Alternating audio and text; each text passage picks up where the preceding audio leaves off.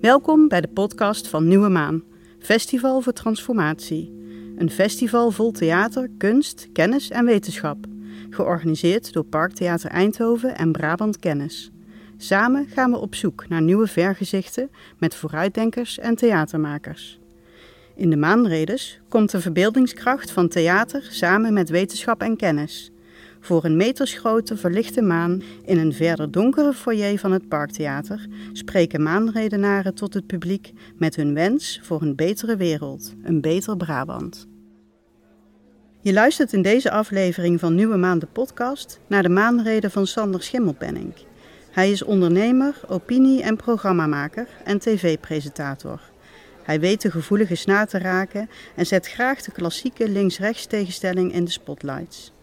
Hij maakt zich druk om het huidige dysfunctionele kapitalisme, met een groot gat tussen rijk en arm als gevolg. Dankjewel. Ja, dank jullie wel. Uh, leuk om in Eindhoven te zijn. Ik heb een uh, merkwaardige uh, week achter de rug met uh, Johan Derksen, die mij tot het uh, nieuwe uithangbord van de VVD heeft gebombardeerd. En allemaal mensen die mijn voorstellingen verstoorden omdat ze een soort van basisinkomenactivisten zijn. Een soort Rutger Bregman hooligans. die had ik gisteren ook weer op mijn dak. dus het zijn rare weken. Ik was gisteravond nog op het toneel in Tivoli in Utrecht. En heb tien uur tussen dat toneel en dit toneel gehad. Dus ik ga mijn best doen, maar ik, ik heb wel wat papiertjes erbij. Dat zullen jullie me ongetwijfeld vergeven. Um, ik was in december ook al uh, twee dagen in Eindhoven hier uh, om, een, uh, om een documentaire te maken over de familie Philips. Ik sliep toen in voormalige Philips fabrieken die nu bemand worden door Piet Hein Eek en al zijn goede mensen die daar allerlei mooie dingen met hun handen maken. Het was ontzettend mooi om te zien. Ik was daar dus om een documentaire te maken over de familie Philips. Ik was op de Wielenwaal en sprak daar twee dagen lang met de zoons van meneer, eh, moet ik dat zeggen, eh, Frits Philips. En um, andere kopstukken uit de Philips-tijd, zoals Jan Timmer met al dat slechte nieuws over Philips de laatste tijd is misschien een beetje vreemd om te zeggen, maar ik vond dat er een zekere schoonheid zat in het verhaal van de neergang van het Philips-imperium. En ik zal proberen om wat van die inzichten en mijn idee, wat daar dan zo interessant aan is, met jullie te delen. Eh, met name dus over de familie Philips. Eindhoven en ook ASML, eh, want ik geloof dat daar interessante inzichten in zitten. Het ging tijdens de gesprekken met die zoons veel over de vervagende familieband met het bedrijf Philips, nadat hun vader terugtrad als eh, CEO. De vraag was natuurlijk, waarom hebben zij als zoons geen actievere rol gehad binnen dat bedrijf? Uh, was hun vader teleurgesteld daarover? Waren zij zelf uh, teleurgesteld in zichzelf? Het antwoord was eigenlijk heel simpel. Um, ze hadden andere interesses en ze misten de, de hardheid uh, die ze dachten nodig te hebben om zo'n groot bedrijf door die woelige tijden te loodsen. Dat lijkt heel logisch dat je dat zelf onderkent. Maar je ziet dat eigenlijk heel weinig, uh, dat een pater familias of een opvolger in zo'n belangrijke familie met zo'n belangrijk bedrijf dat tijdig onderkent. Dat vergt een enorme zelfkennis. Dat de zoons Philips dat toch durfde, had uh, in mijn beleving vooral te maken met de morele herbewapening. Uh, de invloed daarvan op de familie Philips. De morele herbewapening was een beweging die in de jaren 20 van de vorige eeuw ontstond. Het werd ook wel het leger des hels uh, van de rijken genoemd.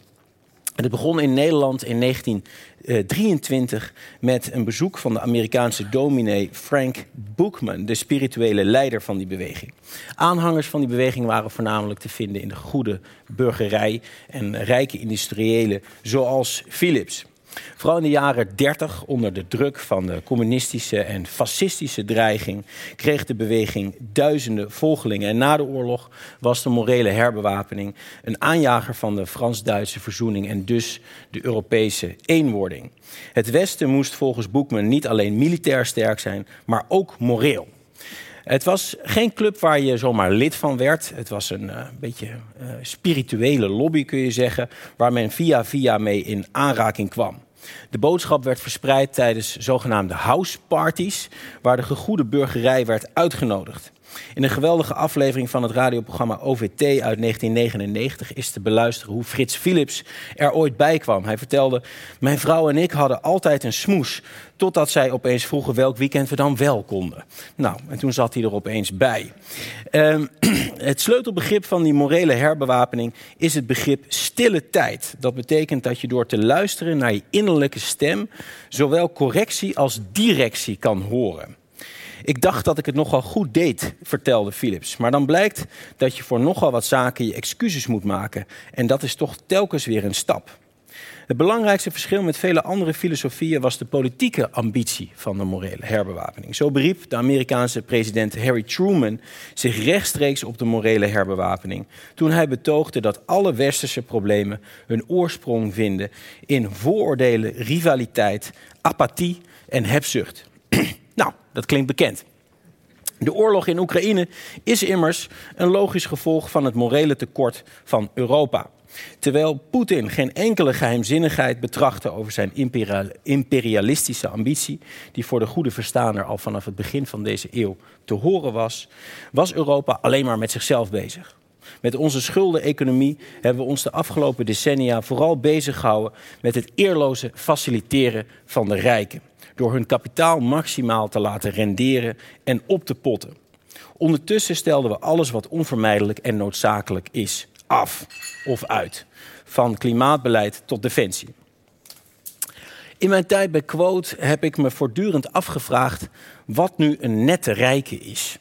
Uh, vooral omdat sommige rijken uh, zelf beweerden zo'n nette rijken te zijn en zich daarmee afzetten tegen de zogenaamde ordinaire rijken. Um, het verschil tussen nette en ordinaire rijken viel volgens hen vrijwel altijd samen met zaken als smaak en bescheidenheid. He, zolang je maar de juiste smaak hebt en niet te veel over geld praat, dan ben je een nette rijke. Um, ja, ik begon daar toch wat anders over te denken en kreeg eigenlijk moeite met beide. Eh, rijke uh, groepen, zal ik maar zeggen. Allereerst die ordinaire rijken. Um, zijn probleem is dat hij gelooft in de mythe van de self-made man. Succes is in die theorie een keuze en het logische gevolg van hard werken. Het ligt binnen jouw eigen invloedssfeer, succes. Er zijn eigenlijk twee problemen aan die ideologie. Allereerst zou die betekenen dat een gebrek aan succes dan ook een eigen keuze is. Als succes een keuze is, dan is falen dat blijkbaar ook. Um, maar belangrijker nog, het is gewoon niet waar. Um, de factor geluk is zeker ook bij self-made ondernemers uiteindelijk altijd de doorslaggevende factor. En wie dat ontkent, doet de waarheid geweld aan. Die mythe van de selfmade man werkt niet alleen door in de manier waarop de rijke zichzelf ziet, maar ook in de manier waarop hij de wereld beziet. Um, en daar wordt het problematisch, want als je denkt dat je dat succes helemaal zelf hebt verdiend, ben je natuurlijk veel minder genegen om belasting te willen betalen. Hè? Als je dat helemaal zelf hebt verdiend, ja, aan wie heb jij dan nog uh, iets te verantwoorden? Waarom zou een ander dat geld nodig hebben? En waarom zou je überhaupt geld overmaken naar de overheid? Want bij de overheid werken alleen maar sukkels. Uh, en als het geen sukkels waren, waren het ook ondernemers geworden, net zo als ik. Um, en dan die zogenaamde nette rijken, vaak erfgenamen, vaak terend op een vermogen dat zij niet zelf hebben verdiend. In hun behoefte om deftig te zijn, zijn zij meestal vergeten dat hun vermogen ook ooit verdiend is. Waarschijnlijk door zo'n ordinaire rijke, waar ze nu op neerkijken. Bescheidenheid bij de renteniersklasse is helemaal geen deugd. Het is simpele berekening. Wanneer rijken niet opvallen en hun rijkdom verbergen, dan zal de rest van de mensen zich waarschijnlijk minder druk maken over hun rijkdom. En dat werkt ook zo, maar dat maakt het natuurlijk nog niet deugdzaam. Begrijp me goed, mijn ergernis zit hem niet in afgunst. Uh, ongelijkheid is onvermijdelijk. Er zal altijd ongelijkheid zijn. Er zijn nou eenmaal mensen die harder willen werken, die van spulletjes houden, die zoveel mogelijk spulletjes bij elkaar willen verzamelen. En er zijn mensen die zeggen, nou dat interesseert me eigenlijk niet zo. Het gaat mij meer om de mensen in mijn omgeving en bijvoorbeeld mijn gezin. ongelijkheid wordt alleen een probleem als die A te groot wordt, dan krijg je sociale onrust. Of als die uh, de uitkomst is van een ongelijke wedstrijd. Hè, als de kansenongelijkheid onder druk staat. Als de wedstrijd niet eerlijk is. Wedstrijd is al eigenlijk een vervelend woord als het gaat om het leven, maar jullie begrijpen wat ik bedoel. En volgens mij is vooral dat tweede het geval in Nederland. De ongelijkheid is niet eens zo krankzinnig groot, maar het is vooral de uitkomst van een steeds ongelijker wordende wedstrijd. Mensen verschijnen niet met dezelfde kansen aan de start. En daar moeten we wat aan doen. Waar de vermogensverdeling lange tijd voor zowel rechts als links geen echt issue was, begint die ongelijkheid nu namelijk te wringen. Lang hadden de meeste Nederlanders een prettig leven, werk, betaalbaar huis en lage lasten. Maar nu voelen grote groepen mensen een diepe angst om af te moeten haken. Het gevoel van onbehagen over de verschillen in ons land vreet aan ons sociale contract. Werken loont te weinig, terwijl het opbouwen van vermogen en schulden juist te goed loont. Daardoor lopen veel huishoudens grote financiële risico's en loopt het vergrijzende Nederland vast. De scheve verdeling van vermogen is niet alleen schadelijk voor de maatschappij, maar ook voor de economie. Vermogensongelijkheid uh, ongelijkheid leidt namelijk tot kansenongelijkheid, waardoor de beste mensen niet langer bovendrijven. Er ontstaat onderbenut potentieel en de werk- en belastingmoraal raakt aangetast. Bovendien krijgt een kleine groep mensen te veel economische en politieke macht. Tegelijkertijd zijn we vergeten dat een beschaving onderhouden moet worden. En dat een beschaving bepaald geen gegeven is. Een sterk collectief waarin alle individuen voldoende zijn doordrongen van de rechten en plichten van het individu is daarvoor cruciaal. Wanneer we onvoldoende doordrongen zijn van onze individuele verantwoordelijkheid voor het grotere geheel, wordt de solidariteit aangetast en wordt egoïsme de standaard. En uiteindelijk zelfs onze vrijheid. Want wie niet kan rekenen op steun van het collectief, van de gemeenschap, zal nooit echt vrij zijn. Aan de voortdurende verzwakking van het collectief wordt bijgedragen door politici die vrijwel uitsluitend nog over specifieke, losstaande onderwerpen discussiëren met elkaar, zonder toe te komen aan grotere ideeën. Dat heeft tot gevolg dat het collectief verder wordt ondermijnd.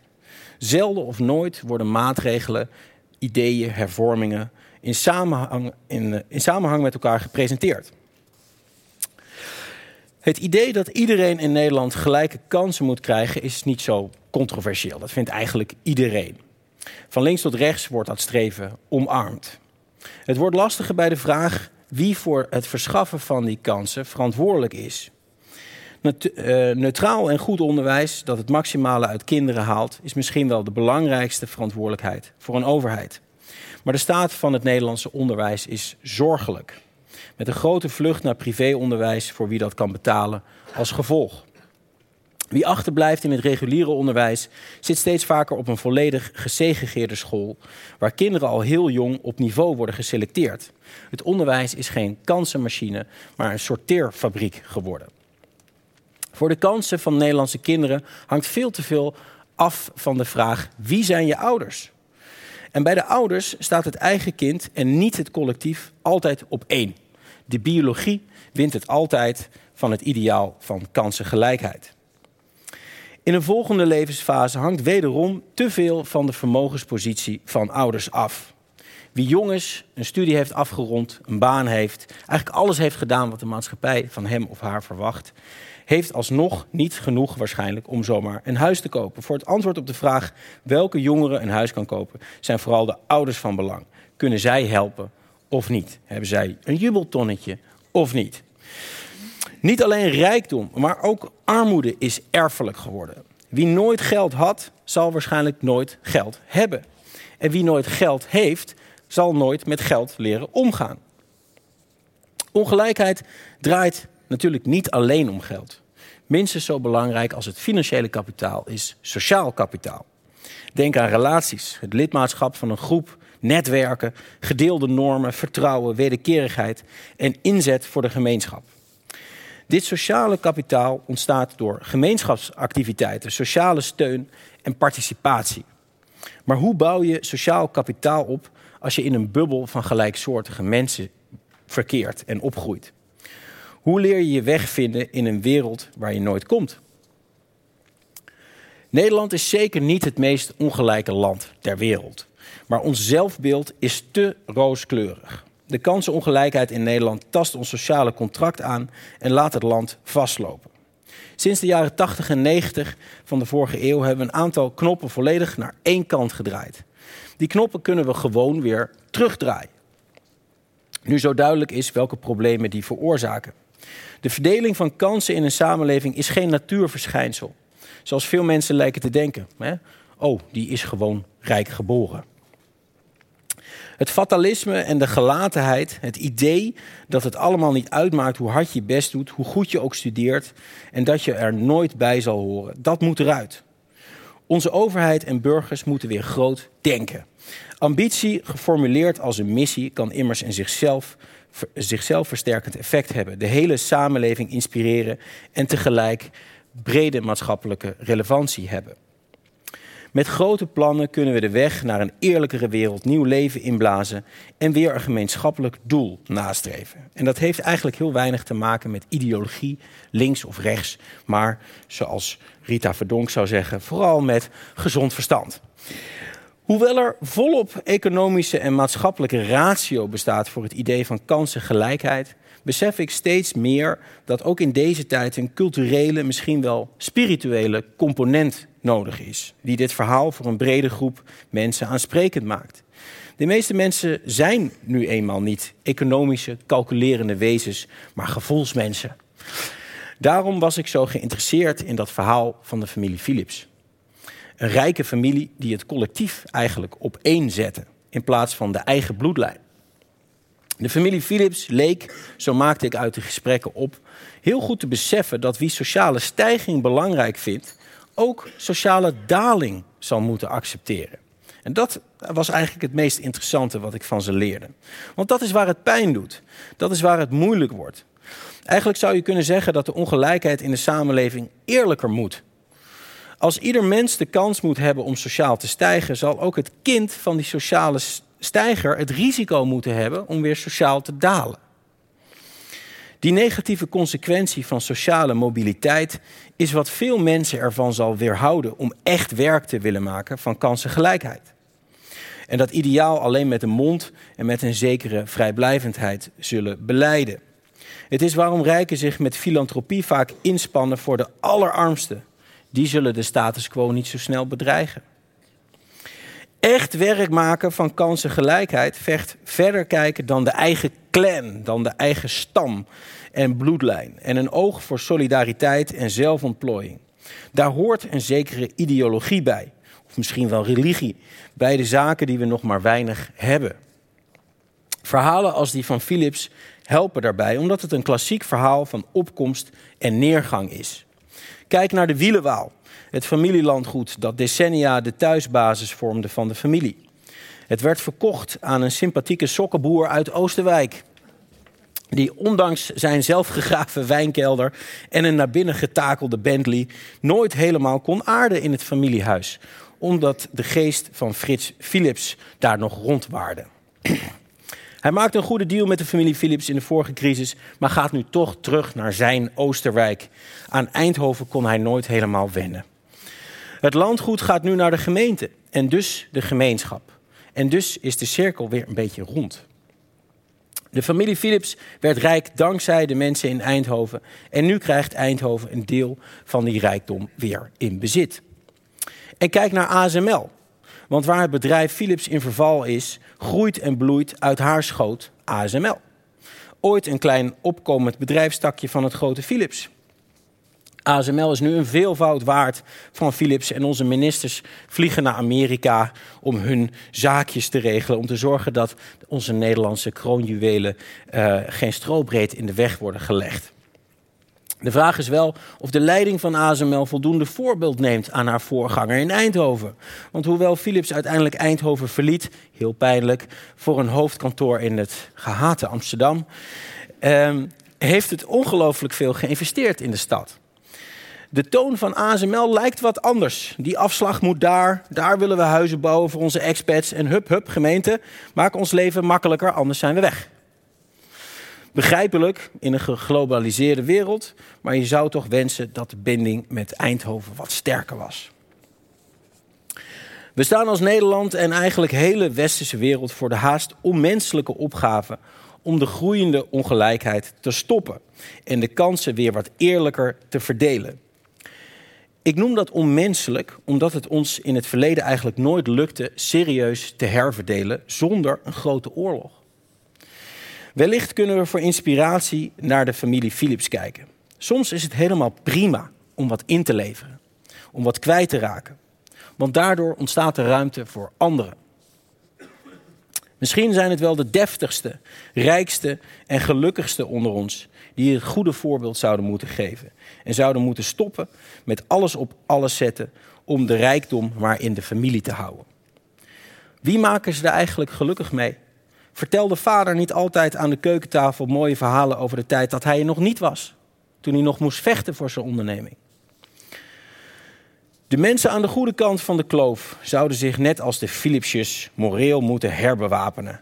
En wat stille tijd, zoals dat genoemd werd, moeten nemen. Zij die alles voor geld doen, maar dat altijd zullen ontkennen. Zij die kennis en kunde hebben, maar ervoor kiezen die in te zetten voor de verkeerde dingen. Zij die zich altijd maar verstoppen. Want wanneer ze er echt goed over nadenken, weten ze heel goed dat het heus wat minder kan. Dank jullie wel.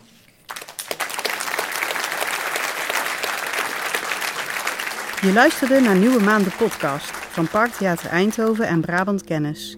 Een podcast gemaakt tijdens Nieuwe Maan, Festival voor Transformatie. Luister ook de andere afleveringen van deze podcast met maanredes voor een betere wereld, een beter Brabant.